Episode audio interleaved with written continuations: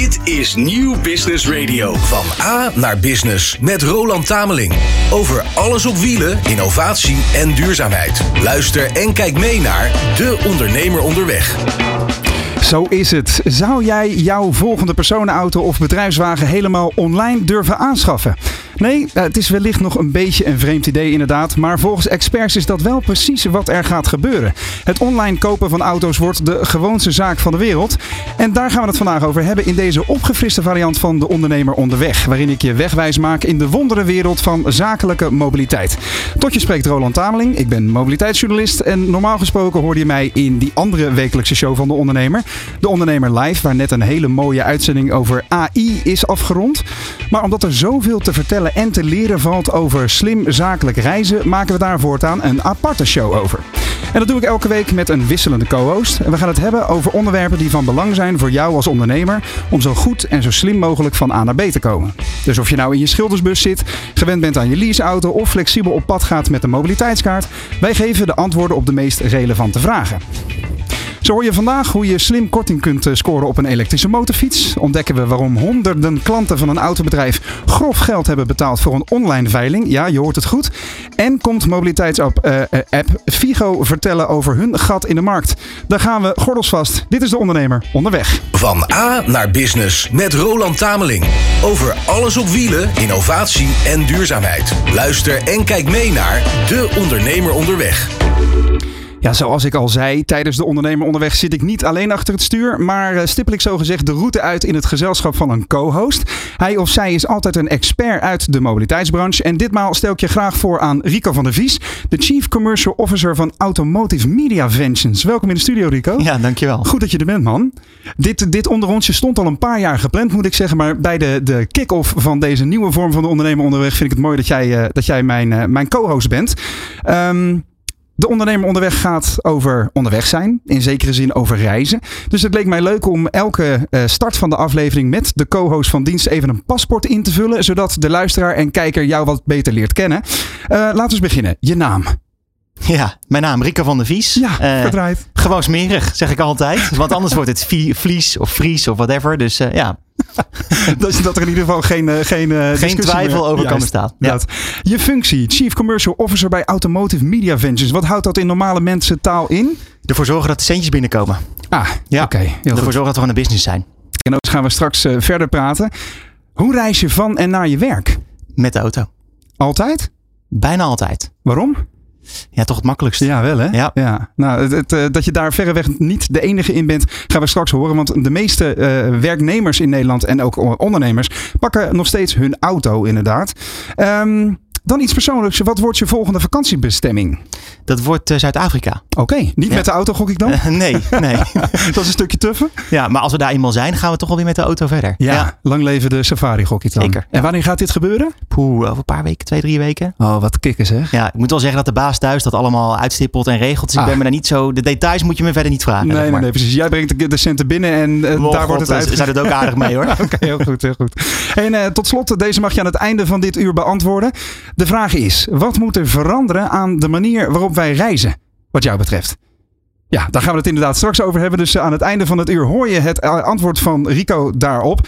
Um, maar nog eventjes terug naar, naar AMV. Automotive Media Ventures. Het, het, het woord zegt het eigenlijk al, maar wel een beetje ja, voor de mensen die redelijk thuis zijn in zowel de automotive branche als de, hè, de, de, de mediawereld. Jullie zijn eigenlijk een combinatie van beide factoren. Hè? Onderdeel enerzijds van DPG Media, de, dezelfde uitgeverij als het AD en ook de ondernemer.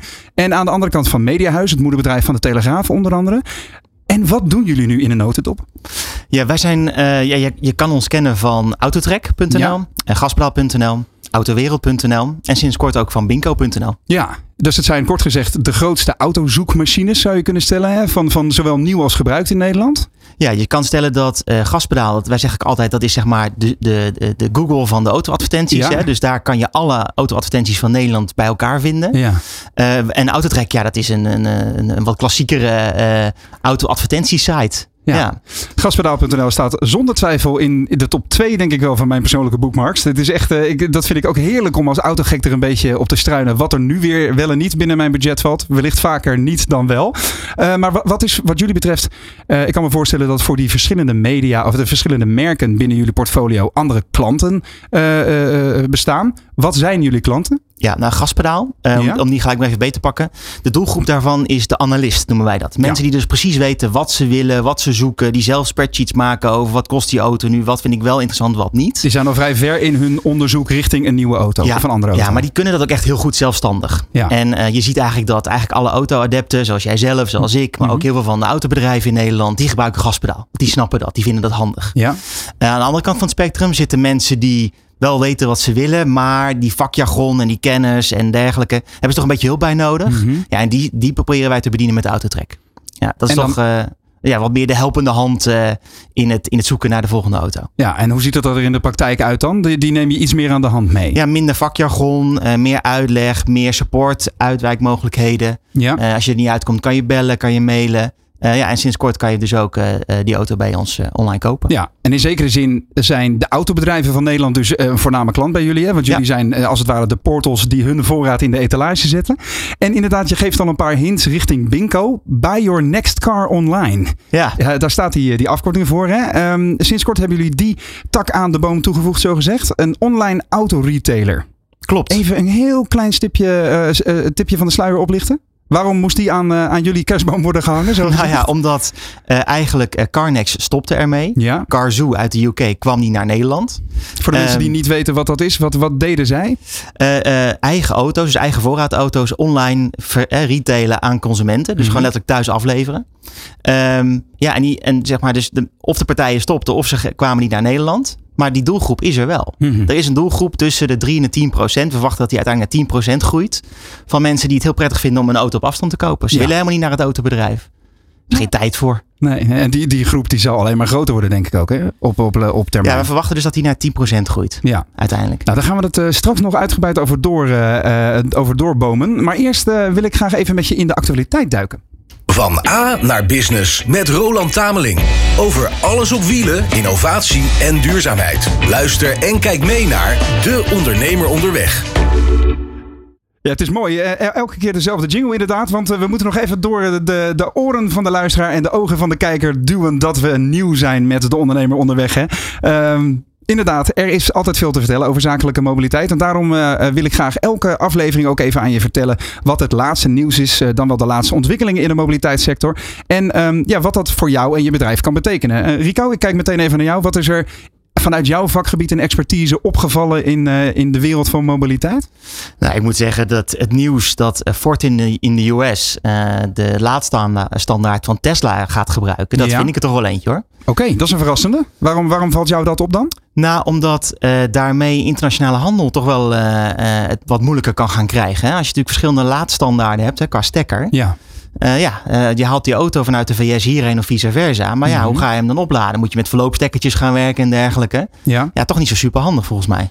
Even voor de duidelijkheid, dat verdient wat uitleg. Hè. Eh, En kijk mee naar De Ondernemer Onderweg.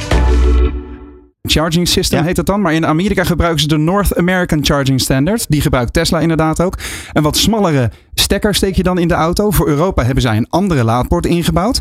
Eh, maar Ford gaat dat dus blijkbaar ook doen. En voor, voor jouw klanten, zo gezegd, de autobedrijven, zorgt dat ervoor dat een Amerikaans model minder aantrekkelijk wordt voor onze markt. Ja, ja, als ze hem dan naar Nederland halen, moeten ze hem waarschijnlijk gaan ombouwen. Ja, Voor hem, om hem toe te laten. ja. Waarom Ja. zou Ford dit doen, denk jij? Ja, ik denk toch om gebruik te kunnen maken van het Tesla laadnetwerk in de Verenigde Staten. Dat Ja. is toch wel echt een, eh, eh, iets waar, waar ze als dusdanig ver op achterlopen. Dat dit natuurlijk wel een makkelijke sprong voorwaarts is. Ja, je hebt in één keer een, eh, een, een dekkend laadnetwerk. Precies. Ja, maar je zou dat ook kunnen doen als fabrikant. Dat je de, de aanpak gebruikt die andere fabrikanten hier gebruiken. Hè? Dus kies dan voor CCS met een adapter voor het Tesla-netwerk. Ja, maar misschien zitten daar wat politics achter. Daar weet ik natuurlijk niet het fijne van. Nee. Maar het zou me niks verbazen als Tesla dit als eis heeft gesteld. Om überhaupt tot het netwerk te kunnen komen. Duidelijk. Dan even een ander nieuwtje. Maar liefst 62% van de Nederlandse forensen pakt het liefst de auto als er woon-werkkilometers moeten worden afgelegd. We hadden het er net al even over. Rico en ik zijn daar denk ik ook schuldig aan. Dat blijkt uit het landelijk reizigersonderzoek dat de cijfers van 2022 tegen het licht heeft gehouden. Het percentage ligt hoger dan voor corona zelfs. Toen reed gemiddeld 51% van de Nederlanders met de auto van en naar het werk. Al die auto's veroorzaken trouwens nogal wat files. En dat is natuurlijk weer slecht voor de productiviteit van Nederland. In de regio Rotterdam, zo zegt het onderzoek, staat de gemiddelde forens maar liefst 42 uur per jaar in de file. En jij hebt volgens mij vooral uh, uh, files rondom Amsterdam, even Amsterdam in, Amsterdam uit. Ja, en dan rijd ik meestal nog gewoon binnen door via het AMC en dan heb ik nergens last van. Niks te klagen, heel goed. Dan het derde nieuwtje inderdaad. De subsidiepot die dit uh, jaar beschikbaar is om de verkoop van nieuwe en gebruikte elektrische auto's te stimuleren, is voor een derde al leeg. Dat blijkt uit een analyse door Autoweek van de cijfers van de Rijksdienst voor Ondernemend Nederland. Van de oorspronkelijke 99,4 miljoen euro is er nog 44,49 miljoen euro over, oftewel 66 66,4 procent. Het geld dat is bedoeld voor de aanschaf van een gebruikte elektrische auto gaat overigens harder op dan de subsidie voor nieuwe modellen. Wat vind jij van die subsidies, Rico? Nou ja, ik hoor je zeggen al op. Maar ja. ik zou zeggen pas op. Want uh, ja, we zitten nu halverwege het jaar en er is pas een, een, een derde weg. Ja. Uh, ja, ik noem dit geen succes hoor. Het gaat minder hard dan vorig jaar ook. Hè? Dat kan je ook zeker zeggen. Hoe, hoe komt dat, denk jij? Aangepaste regels ook. Ja, ja lagere... en, en überhaupt de interesse in elektrische auto's, zowel nieuw als gebruikt. Uh, vooral gebruikt zien we echt een teruggang. Wat zien jullie dan aan percentages in jullie cijfers? Goed, uh, nu overvraag je me even. uh, maar we zien echt dat het substantieel minder is dan vorig jaar. Ja. En dat wijzen we echt volledig toe aan de gestegen energieprijzen. Mensen Ja. zijn gewoon daarvan geschrokken. Ja. Ja. Deze week is er weer iets heel anders aan de hand. Hè? Dat mensen met een flexibel energiecontract juist overdag Tesla's of elektrische auto's willen laden, omdat dat geld oplevert. Maar dat is een hele andere discussie. Wat mij opviel in deze hele, ja, dit, dit verhaal over subsidies van elektrische auto's, is dat er voor autokopers dus allerlei stimuleringsmaatregelen zijn, maar dat je als motorrijder het hele bedrag moet ophoesten als je een emissievrije motorfiets wil kopen. Dat is eigenlijk best vreemd. Hè? Dat vonden ze bij Zero Motorcycles ook. Dus besloot de motormaker zelf de prijzen te verlagen. En daarvoor, daarover gaan we even bellen met Kees Lengers van Zero Motorcycles. Kees, je hangt inmiddels aan de lijn. Goedemiddag. Goedemiddag, uh, Roland. Goed dat je er bent. Jullie hebben inderdaad een, uh, nou ja, een, een, een nogal uh, enthousiaste aanpak door zelf subsidie zo, te, zo gezegd te geven op jullie elektrische motorfietsen. Kun je uitleggen wat die aanpak behelst? De aanpak behelst het volgende: dat wij op onze duurdere motorfietsen, dus dat zijn de motorfietsen waar je met een A onbeperkt rijbewijs op kan rijden, ja. 3500 euro subsidie geven. En op onze A1 en A2 modellen geven wij een subsidie van 1500 euro. We hebben heel duidelijk gezegd: als de overheid geen subsidie geeft, dan doen wij het zelf. Dus wij stimuleren het gebruik van elektrisch motorrijden. Door zelf consumenten een subsidie te geven. Dus je, je, kunt het zien als een directe cashback op de aanschafwaarde van de motorfiets. Ja, ja, de verbinding is een beetje krakend. Dus ik weet niet of je nog iets dichter bij de, bij de, bij de telefoon zou kunnen, kunnen komen om je iets beter te verstaan. Maar als ik het zo goed begrijp, is omdat de landelijke overheid, overheid geen subsidie geeft, stappen jullie zelf naar voren. Um, wat vind je eigenlijk van het feit dat er geen subsidie wordt gegeven op die, die elektrische tweewielers? Betreurenswaardig. Uiteraard. Waarom gebeurt het niet? Uh, omdat de overheid gewoon vindt dat motorfietsen uh, niet vervuilend genoeg zijn. dus blijkbaar het ook niet noodzakelijk vinden dat er subsidie wordt gegeven om mensen te stimuleren om ook een elektrische motorfiets te gaan rijden. Ja. En wat merk ja, je dan? Wij zien het ook als een oplossing van het fileprobleem. Ik bedoel, als iedereen op de motor stapt, zullen er heel wat minder files zijn. Plus dat het ook, zeker als je elektrisch gaat motorrijden, een hele relaxte vorm van motorrijden is. Ja. Dat je niet hoeft te schakelen en niet hoeft te koppelen. In hoeverre zijn jullie een, een, lobby gestart in Den Haag bijvoorbeeld om dit soort regels wel van de grond te krijgen? Uh, ik moet zeggen, daar, daar hebben we naar gekeken. Uh, dat hebben we geprobeerd via de rijvereniging. Dat hebben we geprobeerd via de BOVAG. Dat hebben we geprobeerd via de KNP. Ja, de verschillende be belangenverenigingen. Lastig, want een motorfiets is een motorfiets. En daar wil men eigenlijk geen onderscheid in maken. Omdat de markt zo klein is? Nee, omdat uh, men praat over tweewielers. En uh, men maakt daar geen onderscheid in, helaas, uh, tussen elektrisch of verbrandings. Ja.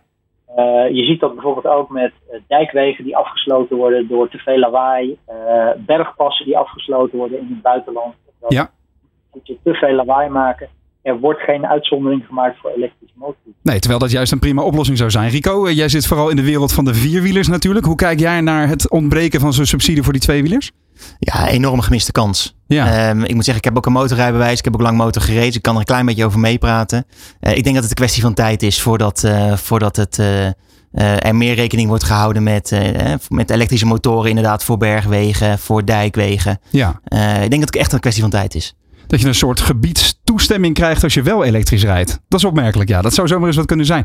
Maar het valt me ook op, Kees, dat de, de aanschafprijs van zo'n uh, elektrische motorfiets in vergelijking met nieuwe uh, verbrandingsmotoren, uh, dat die nog steeds best wel hoog is, hè? Ja, klopt. En daar, daar hebben we ook wel een verklaring voor. Ik wil Zero Motorcycles is, een, is geen massaproducent zoals nee. alle andere grote motormerken die men kent. wij werken met, wij, wij zijn een privécompany. Uh, wij werken met investeerders. En uh, de techniek die wij uh, gebruiken is een techniek die wij zelf ontwikkeld hebben. die is kostbaar. Mm -hmm. En uiteraard, hoe meer elektrische motorfietsen er op de weg komen, hoe verder de prijs zal dalen. Ja. Dus ja, het is, het is een beetje een kwestie van vraag en aanbod. En ja, dan zal op een gegeven moment, net als bij de elektrische auto's, ook de prijzen gaan dalen. Ja, het is uh, vraag en aanbod, kip en ei een beetje. Hè? Maar je zou ook kunnen zeggen dat die, die uh, juiste vorm van subsidie, net als bij de auto's, uh, in zekere zin kan meehelpen om juist de doorbraak te forceren voor die elektrische motorfietsen. En jullie Go Electric subsidie tussen de 1500 en 3500 euro dus krijgt de koper. En ik, ik zie dat die eindigt op 31 mei. vandaag is het de 30ste. we moeten er snel zijn. Uh, moet zeker zijn. En, en vooral onze website uh, in de gaten houden. Uh, mocht er een mogelijkheid komen dat die verlengd wordt. Ja. dus ja, hou onze website in de gaten. En wellicht zit er nog meer subsidie in de pot. Kijk, en, en nog even uit de nieuwsgierigheid. Hoeveel effect hebben jullie gezien nadat jullie deze zogezegde subsidie hebben ingevoerd?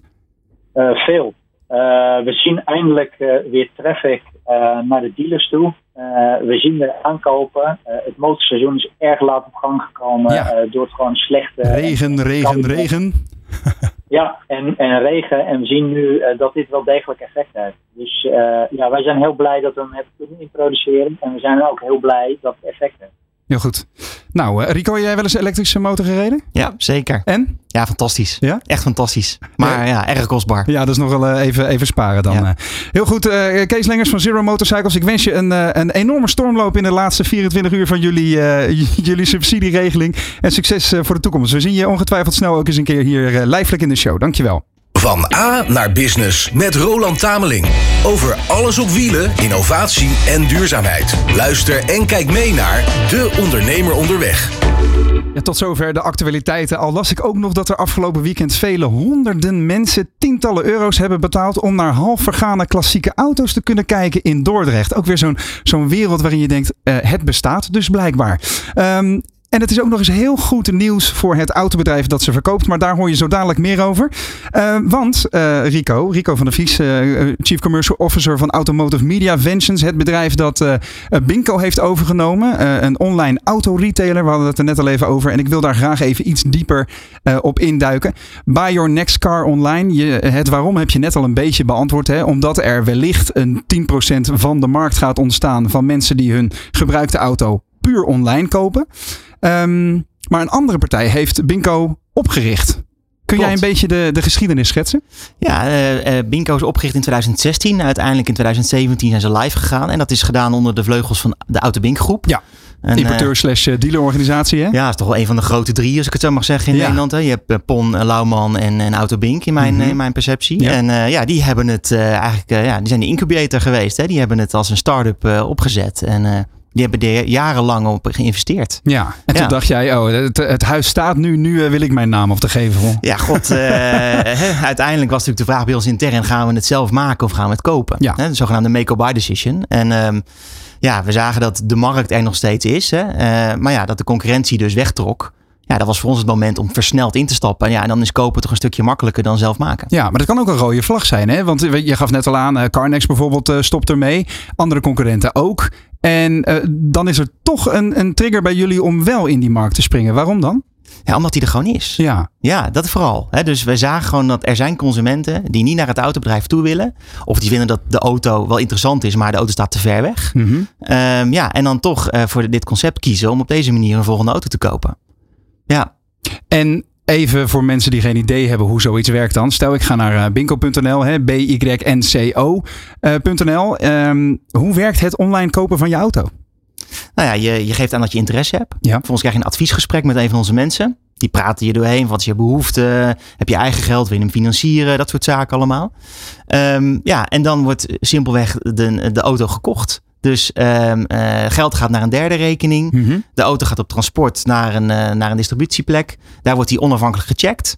Nou, als daar geen gekke dingen uitkomen, wordt die doorgeleverd uh, naar de consument. En zodra die daar op stoep staat en de, en de consument zegt, nou, deze auto, die wil ik in ontvangst nemen. Dan gaat het geld naar het leverende autobedrijf toe. Ja, het klinkt als een, als een soort ideale situatie. Hè? Hoeveel mensen hebben daar nu al gebruik van gemaakt? Heb je enig idee? Ik heb daar zeker wel een idee over. De vraag is natuurlijk of ik dat met je wil delen. Ja, dat wil je natuurlijk. Transparantie is alles. Nee, enkele, enkele duizenden hebben dat, uh, hebben dat gedaan. Oké. Okay. Ja. En je zegt de, de markt is ongeveer tussen de 3, uh, 3% en 10 ja, op dit moment is die 3, 3 en we verwachten ja. dat die naar de 10 groeit. Van alle transacties in Nederland. Dus aan de ene kant kan je zeggen, ja, 10% waar hebben we het over? Maar aan de andere kant, 10% van een hele grote chunk is nog steeds serieuze aantallen. Ja, ja. En je ziet ook die, diezelfde ontwikkeling in de nieuwmarkt. Hè? Want voor de duidelijkheid, Binko richt zich met name op gebruikte auto's. Ja. Waar komen die auto's vandaan? Ja, die zijn dus van autobedrijven. Ja. Dus uh, uh, onze bestaande klanten die krijgen de mogelijkheid om als het ware te upgraden naar, naar de Binko-propositie. Ja. En wat ze dan dus kunnen doen is dat ze hun voorraad uh, ook op, op deze manier aanbieden aan consumenten. En daardoor wat, wat je vooral ziet is dat ze auto's gaan verkopen buiten hun, buiten hun rayon, buiten hun gebied. En dat is wat het zo interessant voor ze maakt. Ja. Uh, een autobedrijf uit Groningen verkoopt nu auto's in Rotterdam en vice versa. Waar ze voorheen die, die kopersgroep niet hadden. Ja. Plus dat er ook gewoon kopersgroepen zijn die überhaupt niet langskomen bij het autobedrijf. Die daar gewoon geen trek in hebben, Nee. geen tijd voor hebben. Dat fysieke handje klappen, eh, overbluft worden door een, eh, door een verkoper die veel beter weet waar hij over praat. In zekere zin. Maar ja. ook uh, zeer vermogende uh, experts bijvoorbeeld. Die hebben gewoon letterlijk geen tijd, maar wel het geld. Ja, ja, ja. Ja. ja. Eh, Zie je kansen voor de nieuwmarkt in zekere zin? En, en ehm, eh, zo ja, welke? Uh, ja, het antwoord is ja. En dat zien we vooral in de, in de nieuwe Chinese merken. Die brengen, die brengen eh, nieuw voorraad naar Nederland. Ja. Ja, en dat is een, dat is een hele interessante groep om eh, op deze manier aan te bieden. Met scheepsladingen tegelijk, hè, letterlijk. Oh, ja, ja, Ja. zeker. Ja. En is dat dan ook iets waar jullie al een beetje aan het snuffelen zijn? Nu ga ik ook natuurlijk naar eh, een beetje onder de tegels van de toekomst eh, snuffelen. Maar eh, je ziet namelijk in de rest van de automarkt dat eh, de aanbieders zelf ehm, juist ook voor die, die direct-to-consumer retail eh, kiezen. ja, maar dat zijn wel de traditionele eh, autofabrikanten die dat vooral zelf doen, omdat ze zelf al een bestaand netwerk hebben. Ja. Chinese merken die hebben nog geen retailnetwerk in Europa slash Mhm. Nederland. Ja. Ja. en daarin ze kunnen wel een rol spelen. Oké, dus dan zou je op een andere manier eh, wederom een doorgeefluik eh, kunnen worden. Hey, en ehm, ik zie dat het vooral eh, nu bedoeld is voor particulieren, hè, bingo. Maar er is natuurlijk ook een enorme groep aan mensen die of zakelijk rijden of hun auto zakelijk inzetten. Hè. Le- Lees mensen die een mobiliteitsbudget krijgen van hun, van hun werkgever en wellicht hun, hun geld zouden kunnen in- inzetten om via om een gebruikte auto te gaan rijden. Hoe zien jullie die markt? Eh, ja, dat is. ehm, eh, kijk, de zakelijke markt die, die past hier ook op. Hè. De Mhm. vraag is, hij loopt er meestal net even iets achteraan.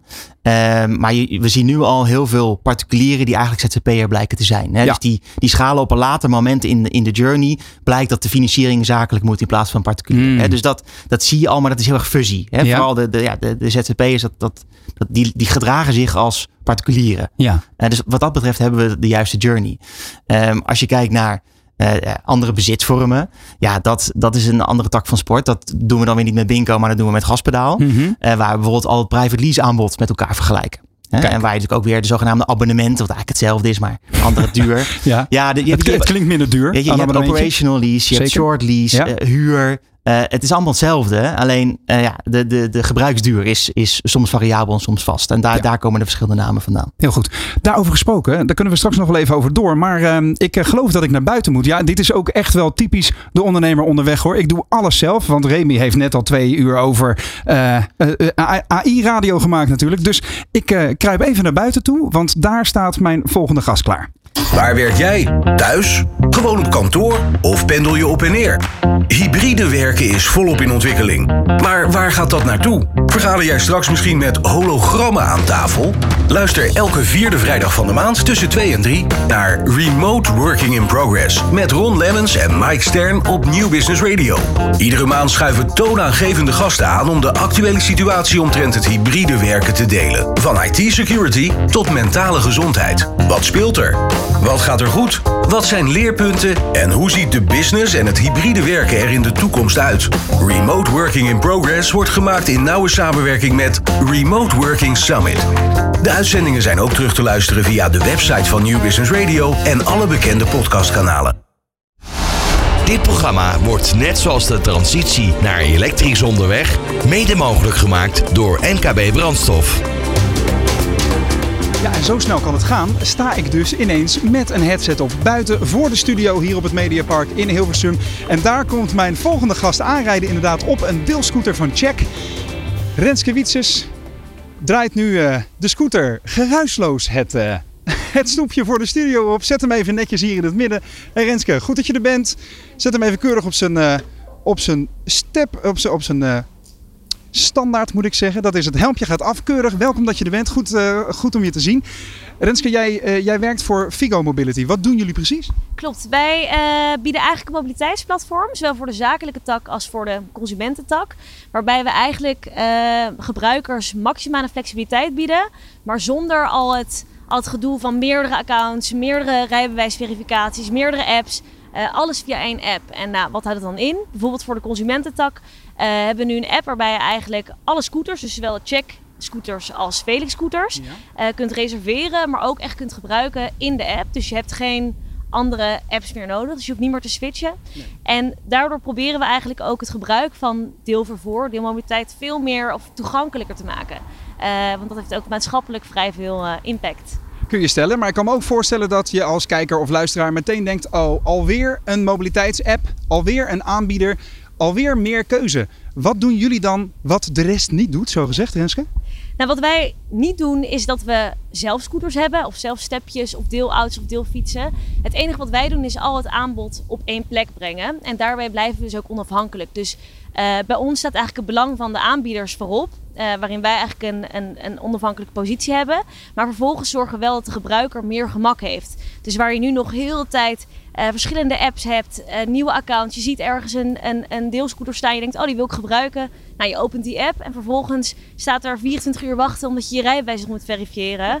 Ja, dat is net onhandig. Dus wij zeggen eigenlijk, je hebt één app. En via ons zorgen we gewoon dat je altijd toegang hebt tot de beste deeldiensten. Ja.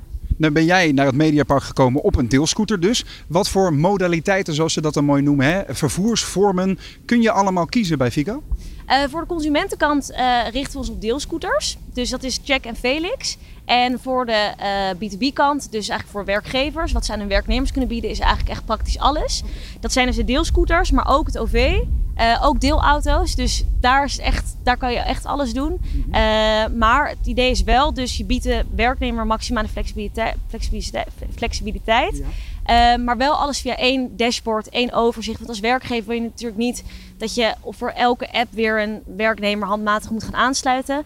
Dus geen rompslomp en alles gewoon via één overzicht en één betaling. Ja, dat klinkt inderdaad denk ik veel ondernemers als muziek in de oren. Juist dat versimpelen van de achterkant van zo'n mobiliteitsaanbod is waar veel uh, ondernemers en werkgevers op zitten te wachten natuurlijk. En uh, laten we eens even teruggaan naar de basis van Figo. Want uh, ik heb me laten vertellen, jullie zijn allebei ontstaan uit Mobility Lab. Hè? allebei, ik moet dat even uitleggen. Figo is onlangs samengegaan met Flits ja. Mobility. Um, ontstaan dus allebei uit um, Mobility Lab. Kun je in een notendop even vertellen wat dat precies is? Ja, Mobility Lab is een start-up programma, Startup Accelerator Program. Dat klinkt heel Lekker internationaal. Heel internationaal. Het zijn alleen maar Nederlandse start-ups. Maar in ieder geval een, een programma wat eigenlijk mobiliteits-startups helpt. Uh, om ze een stap verder te brengen. En dat kan op heel veel vlakken. Op marketing, op uh, legal. Uh, is eigenlijk, het is een, een, ook een testprogramma. Dus je gaat eigenlijk piloten met je start-up. Ja. En daar deden wij toevallig allebei, allebei aan mee. Dus we hadden elkaar altijd wel een beetje in de gaten gehouden. En toen we elkaar toen, op een gegeven moment weer op een beurs tegenkwamen, toen viel het kwartje. En toen dachten we, hé, hey, eigenlijk hebben we in die zin heel erg een, een, een soortgelijke doelgroep. Wij zitten heel erg op de jonge gebruikers, veel studenten. Uh, en zij zitten heel erg op de young professionals. Dus van uh, ja, jong talent wat bij snel groeiende bedrijven aan de slag gaat. Mhm. Je ziet gewoon dat mobiliteit tegenwoordig echt een, een heel belangrijk stukje is om talent aan te trekken. Dus eigenlijk proberen we ook op die manier de levensduur van een klant te verlengen. Dus op alle belangrijke momenten zijn we er, zeggen we altijd. Vanaf het moment dat je je rijbewijs haalt, dat je je diploma haalt uh, op de universiteit tot je eerste baan waarmee je begint. Ja. En daarvan zijn wij dan altijd je trouwe mobiliteitspartner, zoals ze zeggen. Ja, maar er zit ook een soort opvoedcomponent in natuurlijk. Hè? Op het moment dat, uh, dat mensen, zeg maar, zoals we vroeger in de autowereld zeiden, als je een jonge klant hebt voor je merk, dan blijft die mogelijk de, zijn hele leven klant. En nu is dat eigenlijk dus een beetje zo met, um, met het opvoeden van hoe we reizen. Hè? Dat is eigenlijk wat je zegt. Dus als jij jonge uh, klanten binnen hebt, dan is de kans groot dat zij ook diversere, uh, flexibelere manieren van reizen omarmen. Ja, absoluut.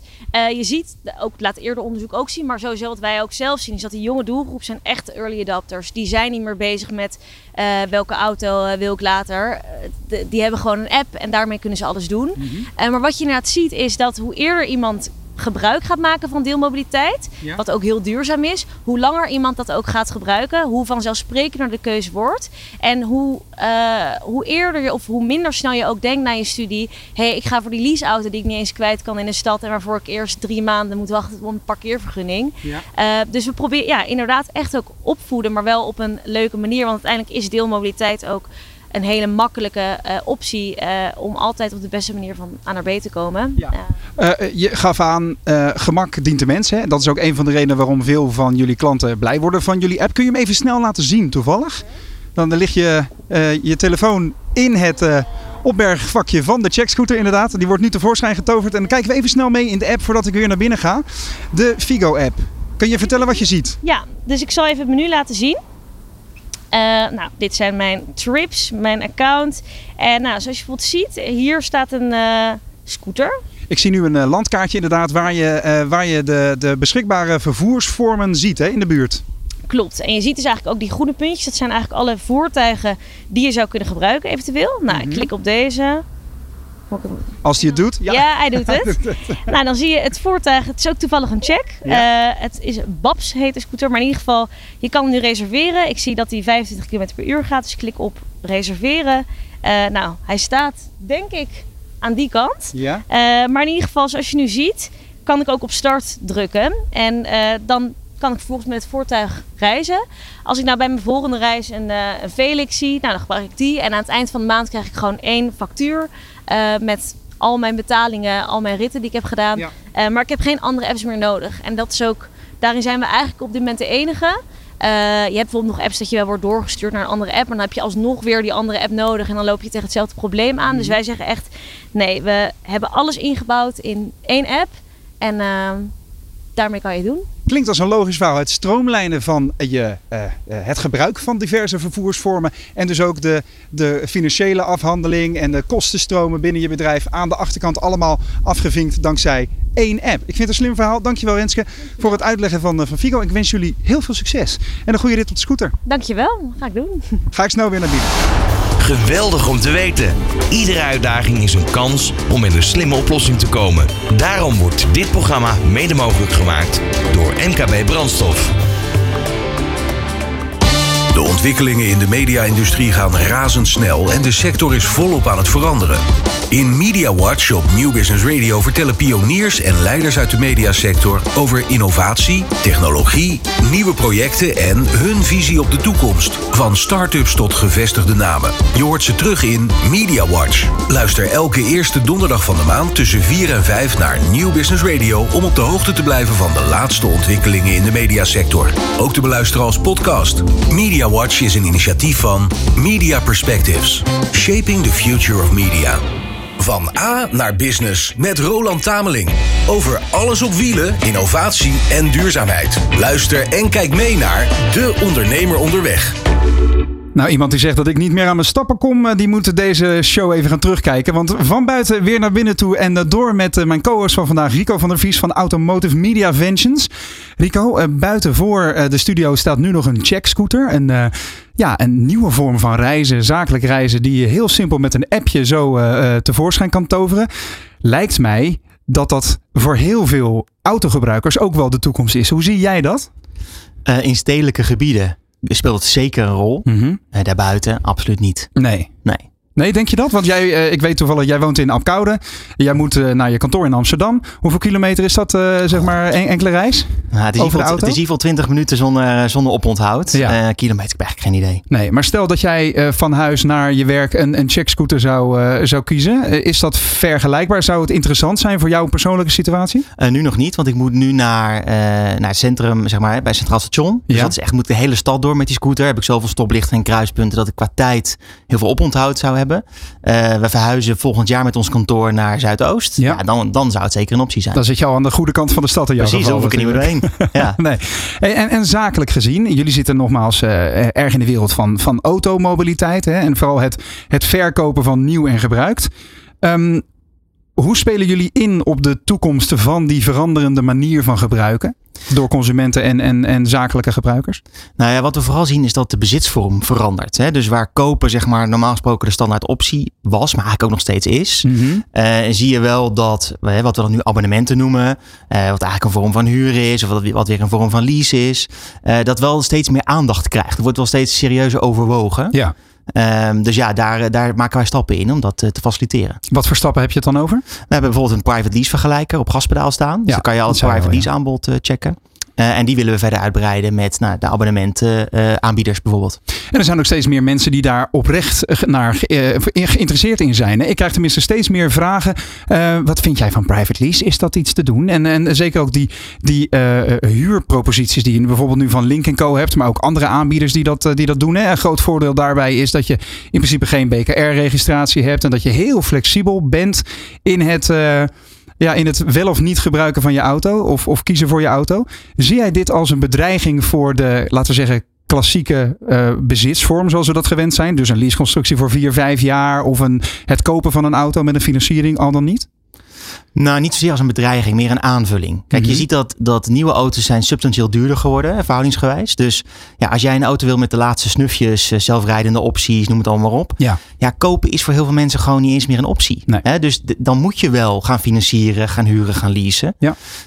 Um, dus nee, ik zie het niet zozeer als een bedreiging, meer als een verschuiving. Ja. Wij krijgen, ik schrijf ook veel voor het AD, voor de autoredactie van het AD. En wij krijgen tegenwoordig reacties van de lezers dat wij te dure auto's testen.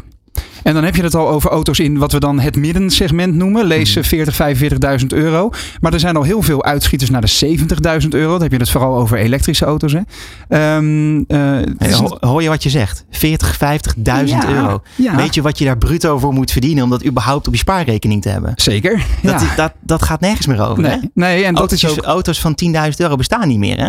Nee. De iGo's en de, de, de, de C1'tjes. En nee, uh, ze worden gewoon niet meer gemaakt. Die zijn uh, waar ze voorheen zeg maar 9000 euro kosten, is de goedkoopste geloof ik nu. Met een, met een aircootje is 21.000 euro. Hè? Ja, uh, dat de, is... bij, bij 20.000 euro begint het leven ja, een beetje. Ja. ja. Dus het is niet zo raar dat mensen denken van joh, ik, ik wacht nog even. Ja, dus, ja, het is de enige optie nog. Ja. ja. En het, het zelf aanbieden van leaseconstructies of um, zeg maar de... de ja, hoe zeg je dat? Het zijn niet zozeer leaseconstructies, maar al, al dan niet korte huurtermijn uh, proposities vanuit jullie partners. Dus dat jij naast het, het, uh, doorgeefluik bent van auto's die tweedehands te koop staan en nieuw te koop staan. Dat je die mensen ook daadwerkelijk zelf naar een, een, een leasecontract of een huurcontract doorstuurt. Is dat iets wat, wat interessant is? Ja, wat, um, dus even naast de private lease, het private lease aanbod wat we willen uitbreiden met abonnementen. Ja. Wat we dus nu ook al doen is op gebruikte auto's, wat, wat we dan occasion lease noemen. Daar zijn we nu al met kleine testjes bezig. Dus je hebt die auto gevonden op de traditionele manier. Je weet dat je een BMW 3-serie wil. Nou, je zoekt hem. En vervolgens zie je dat die auto ook geleased kan worden. Dus zeg maar later in de journey He, dus je gaat het, het, traditioneel erin om hem te kopen. Ja. Maar later word je ermee geconfronteerd van je hoeft hem niet te kopen. Je kan hem ook leasen, huren, financieren. Mm-hmm. Nou, en daar testen we nu mee en we zien dat dat wel tractie krijgt. Ja, ja? Mm-hmm. en dan, dan, dan zit het hem dus in het voorstellen aan de gebruiker van joh, dit is ook een optie. Dus eigenlijk te informeren van je klant op de, ja. op de juiste manier. Ja. ja, maar ook op het juiste moment. Ja, ja. He, dus er zijn heel veel uh, consumenten die beginnen niet met oh, ik wil een auto leasen of huren. Nee, ze beginnen met ik wil een BMW, ik wil een Audi, ik wil een Polo, whatever. Ja.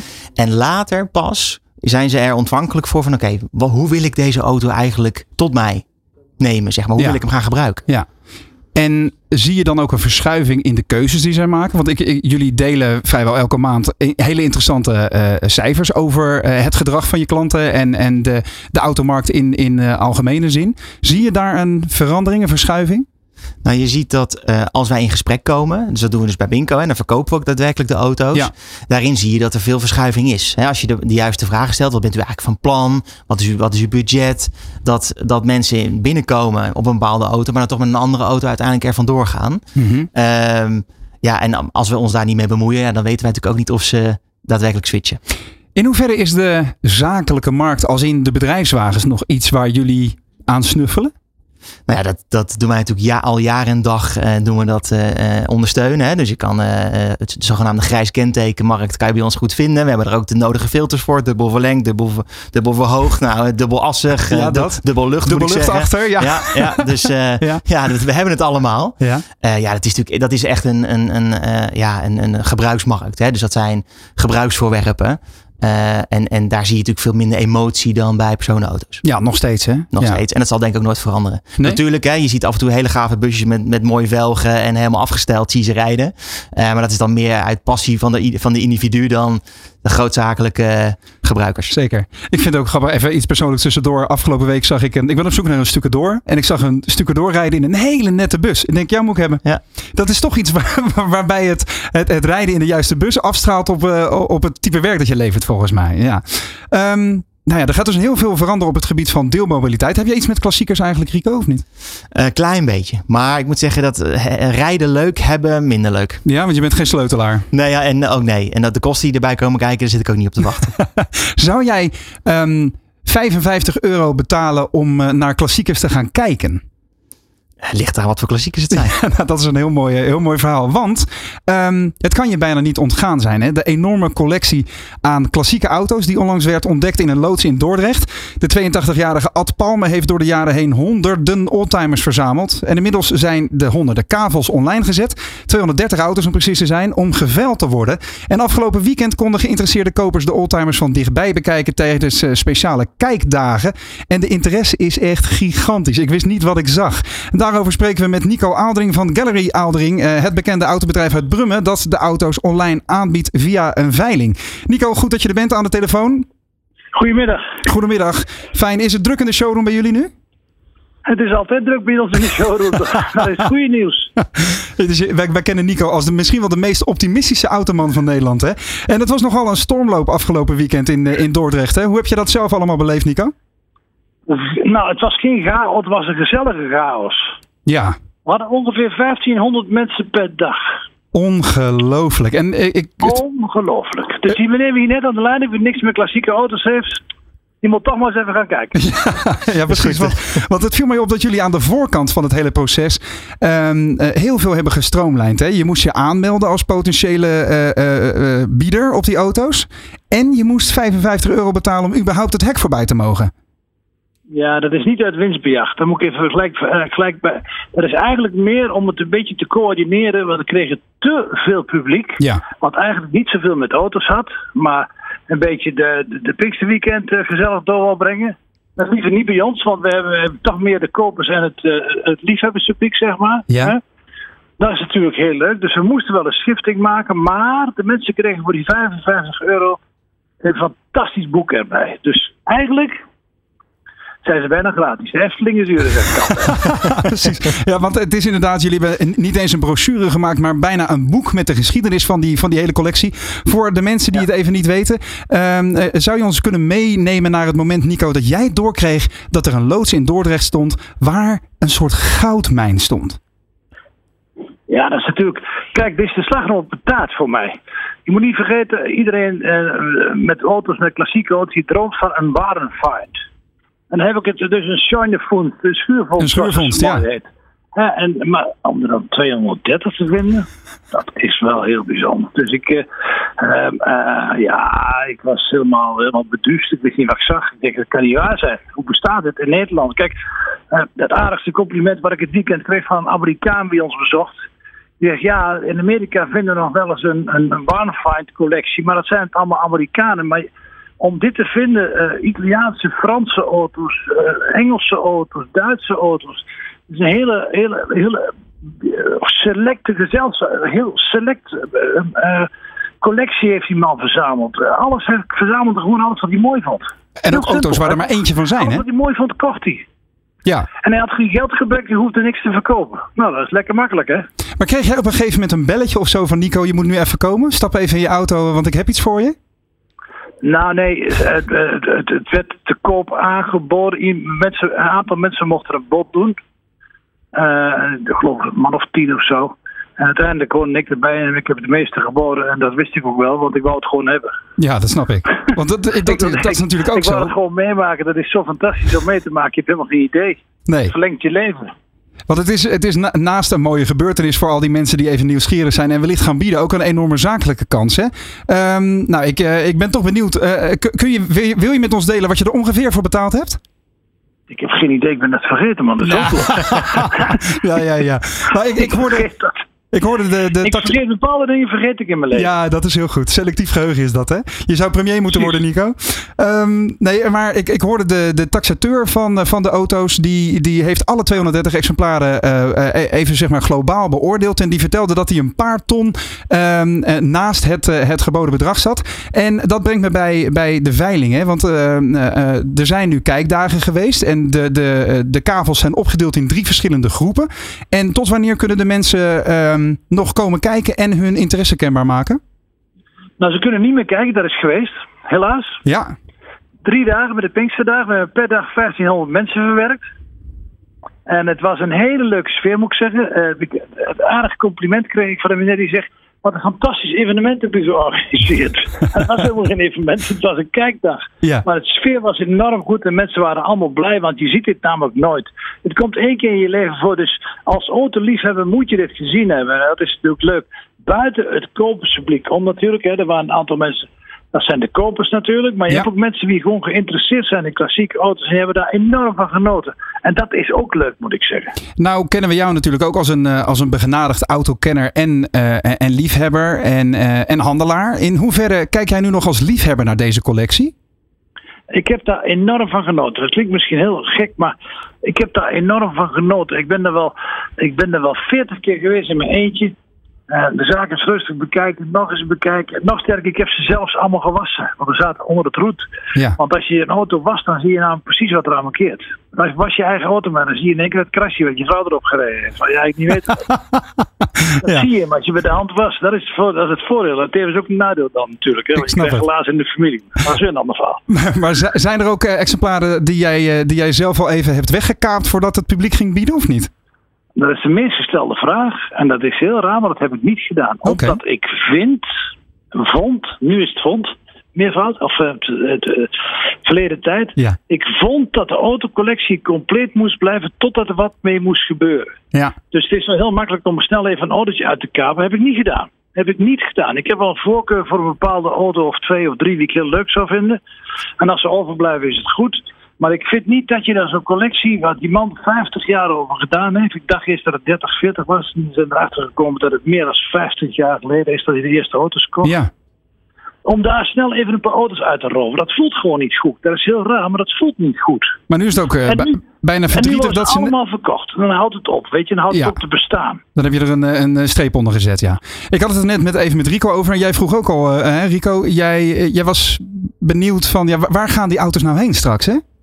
De hele wereld over. We hebben ongelooflijk. We hebben gisteren, en de afgelopen drie dagen, hebben we Fransen, Italianen, Duitsers, Belgen, zelfs mensen uit Amerika zijn overgevlogen. Het is onvoorstelbaar waar de mensen vandaan komen. Onvoorstelbaar.